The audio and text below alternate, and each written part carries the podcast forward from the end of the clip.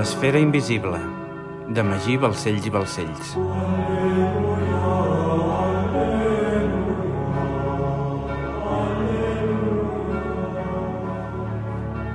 Capítol 7. Sacra Geometria. Dissabte, 23 de juny de 1302. Barcelona, Principat de Catalunya. La llum durava més hores que qualsevol altra època de l'any i la claror convidava a fer vida fora les cases, vora de les fonts i els ombrívols gorgs dels rierols. El camp estava en el seu màxim esplendor. Tothom creia que era la collita del segle i la gent es preparava ansiosa a fer una gran festa abans de la dura feina al camp. Joan Roca i el seu tet caminaven amb pressa pels estrets carrers de la capital catalana. Hi havia més moviment que mai aquell dia. El carrer era ple de persones apilant trastos vells a les places i cruïlles per celebrar la que era la nit més màgica de l'any, la rebella de Sant Joan. Tot i el seu nom cristià, es tractava d'una festa d'origen pagà, que pel seu caire estival i festiu havia resistit al cristianisme i havia perdurat tossudament entre les treballadores gens d'aquella part del Mediterrani. Al vespre, amb el crepuscle, s'encendrien grans fogueres, es ballaria al voltant del foc i es farien banys de mitjanit per commemorar la posició del sol en el seu zènit, l'inici de l'estiu. Joan i Gelabert ho celebrarien conjuntament amb el gremi de constructors, però abans tenien una important missió, cobrar. Des de que havia mort el bisbe, no havien cobrat ni un sou, i d'això en feia ja tres mesos. Gelabert havia demanat audiència diverses vegades al capítol catedralici per resoldre la situació, però aquest, ocupat en les seves lluites internes, no l'havia ni contestat. La diòcesi barcelonina es trobava en seu vacant des del març i el capítol catedralici no es posava d'acord en l'elecció del nou bisbe. A més a més, encara que hi hagués una elecció en els pròxims dies, aquesta no seria vàlida fins que el papa li donés el vistiplau, la qual cosa significava que encara tardarien uns mesos a tenir bisbe. Jalabert no tenia falta de diners, era un home acabalat, però el gremi i les necessitats de la catedral en requerien de forma imperiosa. Així les coses, vist que el bisbe tardaria a ser escollit i que el bisbat no li donava resposta, va intentar cobrar mitjançant altres vies. Sabia que el bisbat tenia importants dipòsits de diners a l'ordre del temple i coneixia també l'estreta relació que hi havia entre el temple i el bisbat, així que va demanar al preceptor de la comanda de Palau de Barcelona que li avancés els diners i després, un cop hi hagués bisbe, ja ho arreglarien. El preceptor, però, es va negar en rotund, argumentant que era impossible moure ni un sol sou sense l'autorització del titular, en aquest cas el bisbe. Gelabert sabia que allò no era més que una excusa, ja que qui finançava la catedral en última instància era la cavalleria del temple mitjançant les seves donacions periòdiques al bisbat. Gelabert va estar molts dies intentant negociar una solució amb el preceptor, però no hi havia manera. A aquells llavars monjos guerrers els costava molt d'obrir l'aixeta a algú que no tingués ni un sou dipositat en alguna de les seves comandes. Així les coses, va entendre que havia de ser més dràstic per cobrar. Estava convençut que si aturava les obres, l'orde deixaria de posar excuses i li pagaria el que li corresponia. Tot i que aturar l'obra comportava un risc evident, a més a més de donar una mala imatge del seu gremi, Gelabert sabia que en aquests moments era l'única solució. Així que ho va preparar tot i va parlar amb tots els treballadors, assegurant-los que cobrarien, però que havien d'aturar les obres per aconseguir-ho. Així va ser. Només unes hores després de l'aturada, Gelabert va rebre una carta del preceptor de la comanda templera de Palau de Barcelona. La carta l'emplaçava per sonar-se al Palau del Temple de Barcelona aquella mateixa tarda. Gelabert tenia la impressió que la comanda barcelonina donaria resposta a les seves demandes. Era evident que els templers tenien lligams molt estrets amb el bisbat, sobretot pel que respectava la construcció de la catedral. Si hi havia algú interessat en la culminació de la catedral, era ni més ni menys que l'ordre del temple. La comanda barcelonina, a través d'algun dels seus membres, sempre havia tingut molt bona relació amb el gremi de constructors. De fet, quan algun mestre constructor destacava per les seves virtuts, l'ordre s'interessava ràpidament pel subjecte en qüestió. En el seu cas, des de que va ser consagrat cònsul del Gremi de Constructors, va ser convidat a assistir a diversos seminaris que la comanda barcelonina impartia en les seves dependències.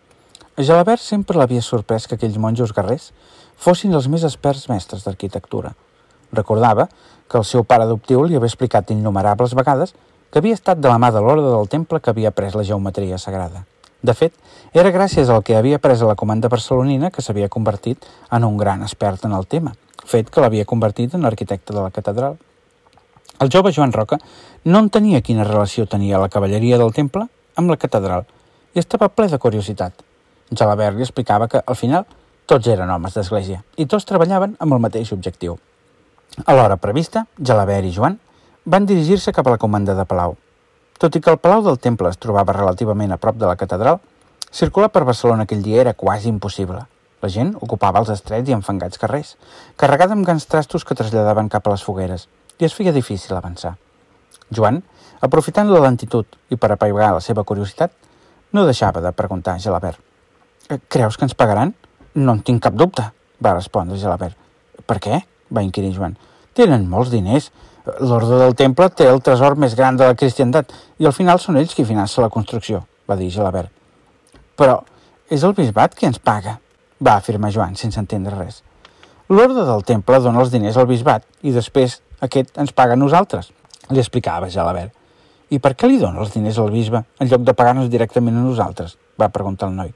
Eh, no ho sé, noi, jo què sé, va dir Gelabert. Això és cosa de l'església. Eh, però l'Orde del Temple és la responsable directa de la construcció de la majoria de les catedrals. Ah, sí? va dir Joan, sorprès. Sí, l'Orde finança la construcció de les catedrals i també els gremis de constructors, va afirmar Gelabert. Per què? va preguntar Joan. No ho sé, fill. El que sí sé és que cada mes fan una important aportació al gremi de constructors i que instrueixen ells mateixos els homes més virtuosos del gremi, en teoria és un ordre consagrat a la custòdia dels peregrins que van a Terra Santa, però el fet és que ja no queda cap regne llatí a Terra Santa i malgrat tot l'ordre és immensament rica i totes les catedrals d'Europa s'han construït seguint les seves directrius arquitectòniques. No ho entenc, va exclamar Joan. Jo tampoc, va dir Gelabert, però és així. Tot el que sé de geometria sagrada ho he après de gràcies a l'ordre del temple i a l'home que em va adoptar, que al seu torn també ho havia après de l'ordre. Geometria sagrada? Què és la geometria sagrada? va preguntar Joan, encuriosit. La geometria sagrada són les lleis matemàtiques a través de les quals Déu ha creat l'univers. A mesura que els homes hem anat coneixent aquestes lleis, les apliquem en els nostres dissenys arquitectònics per obrar conjuntament amb els preceptes sagrats de Déu. La geometria sagrada és el llenguatge simbòlic de les forces de la creació de l'univers que ens ajuda a entendre mentalment el que ja coneixem de forma intuïtiva. No ho entenc, va exclamar el jove. Déu sempre crea les formes seguint uns mateixos patrons o proporcions. Els sòlids platònics, els octògons, la flor de la vida i la proporció àurea. Proporció àurea? va dir Joan. És una proporció present en la naturalesa, explicava Gelabert. Totes les obres de Déu guarden aquesta proporció. La disposició dels pètals de les flors, la distribució de les fulles en una tija, la relació entre el gruix de les branques principals i el tronc, entre les branques principals i les secundàries, eh, la proporció àurea és l'explicació matemàtica de la bellesa en l'art i la natura, i l'ordre del temple ens ha ensenyat a construir les catedrals guardant aquesta proporció. Increïble, va exclamar Joan, bocabadat. Hi ha moltes més coses. Si demostres la teva virtut dins el gremi, aniràs aprenent cada cop coses com aquestes. Molts dels coneixements que tenim ens els ha proveït la cavalleria del temple des de fa segles. Sense adonar-se'n, perduts en les seves converses, van arribar a les portes de la comanda barcelonina. Jalabert va mostrar la carta signada pel preceptor i un oficial els va acompanyar fins a una gran porta de fusta que donava al claustre.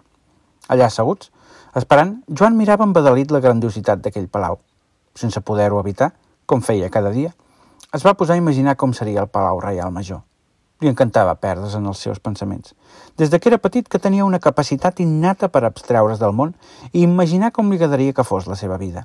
Tenia molts somnis, moltíssims, i bona part d'ells s'havien complert. Quan vivia amb el seu pare al camp, es passava el dia imaginant que guanyava la llibertat i es convertia en picapedrer.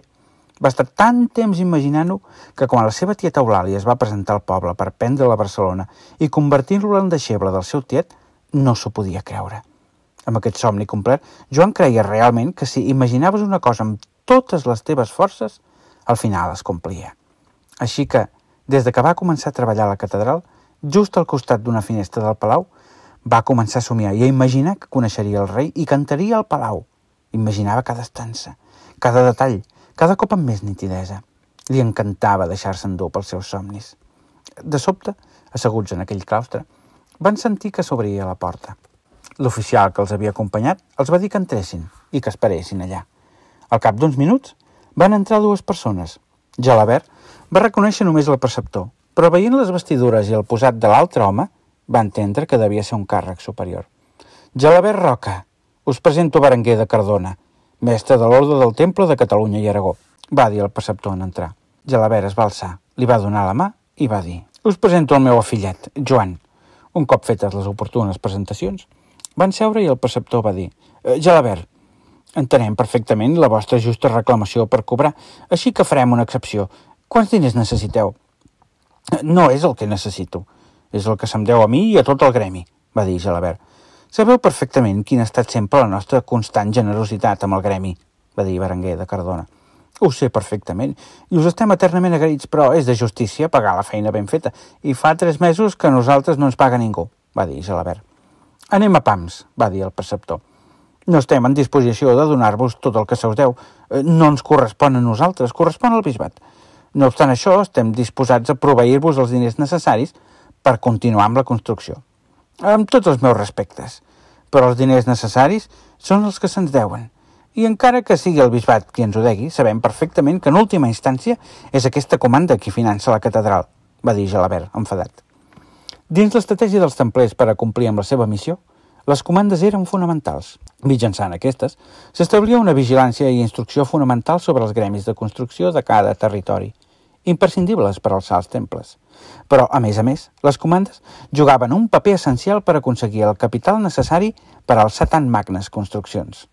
Les 9.000 comandes repartides per Europa, en ser tan properes les unes de les altres i en ser habitades per monjos militars, oferien una seguretat tan inaudita en aquells temps que permetien establir rutes de comerç molt estables. Des del naixement de l'ordre, molts comerciants havien usat les rutes entre les comandes per assegurar l'èxit dels seus negocis. Un cop establertes i consolidades aquestes rutes comercials, les comandes van fer un pas més en la seva estratègia d'acumular capital, custodiar i assegurar els diners dels comerciants que per allà passaven. Per evitar haver de transportar diners d'un lloc a l'altre, les comandes, prèvia entrega dels diners, creaven documents acreditatius per poder-lo recollir en qualsevol altra comanda de l'ordre. Un document signat o segellat per la cavalleria del temple era garantia de cobrament tan segura que un simple paper, sense ser un metall preciós, es va convertir en sinònim de diners. La gent usava els bitllets del temple com a mitjà de pagament i acudia a les comandes per cobrar o per enviar diners a algun altre lloc. Mitjançant aquest mètode, els templers es van especialitzar en concentrar i gestionar els diners que a ells arribava, i la seva solvència va arribar a ser tal que la majoria de nobles i monarquies van confiar en ells com a guardians de les seves riqueses.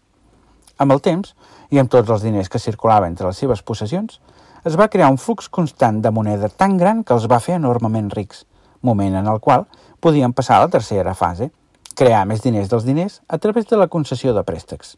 Tothom qui necessitava diners acudia a les comandes i aquestes concedien els préstecs en funció del patrimoni de qui els demanava. Eren, sens dubte, els majors prestadors dels seus temps i se'ls suposava posseïdors d'un tresor immens. Molts prínceps i reis d'Europa havien finançat les seves corones a través dels préstecs del temple, destacant per la seva quantitat la corona francesa i l'anglesa.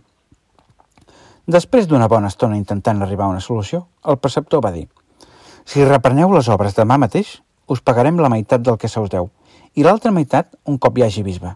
I el mes que ve? I l'altre? Qui ens pagarà els sous mentre no hi hagi bisbe? Va preguntar Gelabert. Nosaltres us pagarem puntualment cada mes mentre no hi hagi bisbe, va contestar amb autoritat el preceptor. El que se us deu fins avui, se us pagarà una part demà, si repreneu les obres, i l'altra meitat el dia del nomenament del nou bisbe. Estem d'acord? O això o res, va sentenciar Berenguer de Cardona. Gelabert va dubtar un moment i va contestar. Estem d'acord. Només una última cosa, va dir Berenguer de Cardona. Mentre siguem nosaltres qui us paga i no el bisbat, dipositareu els diners en aquesta comanda. I això per què? va preguntar Gelabert. Perquè qui paga mana, va sentenciar el mestre de l'Ordre del Temple de Catalunya i Aragó. Només us continuarem pagant si dipositeu els vostres sous aquí. Vosaltres em doneu els diners i després jo us els he de tornar a donar, va dir Irat Gelabert. Això i no cobrar és el mateix. No és així? va puntualitzar el preceptor. De la quantitat total dipositada, sempre podreu disposar un 10% en moneda cada dues setmanes en qualsevol de les 9.000 comandes de la germandat. Aquest no és el tracte que teníem al bisbat. El bisbat em pagava al moment i éreu vosaltres qui pagava el bisbat. Per què no podem fer com fins ara? Què més us dona a vosaltres? El tracte que tinguéssim amb el bisbat no és cosa vostra. Ara esteu tancant un tracte amb nosaltres i aquestes són les condicions. Podeu acceptar-ho o no. Si ho accepteu, Demà tindreu a disposició la meitat del que us deu al bisbat i podeu recuperar un 10% en moneda cada dues setmanes. En qüestió de mesos podeu tenir tota la moneda que vulgueu, va sentenciar la bar noble de Cardona. Però la prudència indica que tenir tantes monedes a casa no és segur. Sempre estaran més segures aquí. Us podien robar i llavors... M'esteu amenaçant, va dir Gelabert. Déu me'n guardi, va dir el mestre provincial, somrient. Però aquestes coses passen. I si us roben a vosaltres? va preguntar Gelabert. Si ens roben aquí, ens roben a nosaltres, no a vos. Els vostres diners estan assegurats. Podíeu retirar els diners en qualsevol altra comanda o esperar que recuperessin les nostres arques, va dir el preceptor. Molt bé, va dir Gelabert, entenent que no tenia alternativa. Així que, tenim acord? va preguntar Berenguer de Cardona. Quin remei? va exclamar Gelabert. L'estratègia de l'ordre del temple era senzilla. Qui controli els diners podrà comprar les nacions. I per construir el major temple que s'hagi erigit mai sobre els homes, era imprescindible tenir les nacions controlades. Només així es podria construir una xarxa de catedrals amb les mateixes característiques arquitectòniques que funcionaria de forma coordinada com un temple gegantí. Tanmateix, per assolir tal objectiu es requeria una quantitat ingent de diners, raó per la qual l'ordre del temple s'havia especialitzat en el negoci del préstec. Un cop les comandes havien consolidat xarxes de comerç i havien acumulat diners, l'estratègia havia estat el préstec per crear més diners dels diners. Les normes templeres establien que cada comanda havia de guardar en reserves de moneda a la mateixa comanda un 10% del total prestat. Per aquesta raó, les comandes eren reticents a concedir diners en metàl·lic i preferien fer-ho estenent bitllets segellats.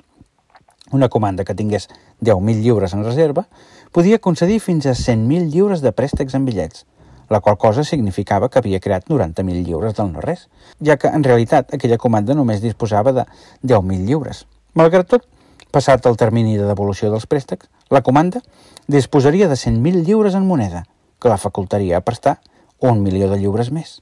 Una jugada magistral. Totes les comandes funcionaven de la mateixa manera, i quan es produïa una crisi econòmica, el temple mai perdia. Si les persones que els hi devien diners no els tornaven, se'ls confiscava els seus béns i propietats fins a un valor igual al deute. El temple sempre guanyava. El sistema havia nascut per finançar les catedrals, però la febre dels diners i la corrupció generalitzada entre alguns preceptors l'havien conduït fins a situacions altament perilloses, ja que alguns dels préstecs concedits eren tan exagerats que mai podrien ser tornats. Tal era el cas del rei de França. Els diners que Felip IV de França devia al temple eren tants que no els podria tornar ni en vuit generacions. Sortint de la comanda barcelonina, quan ja hi havia alguna foguera encesa i el poble començava a celebrar l'arribada de l'estiu, Joan va dir al seu oncle «Ho hem aconseguit! Podrem cobrar!» «No et fiïs mai dels templers», va contestar Gelabert. «Són el tipus de gent que et deixa llenya quan fa calor i te la reclamen quan comença el fred».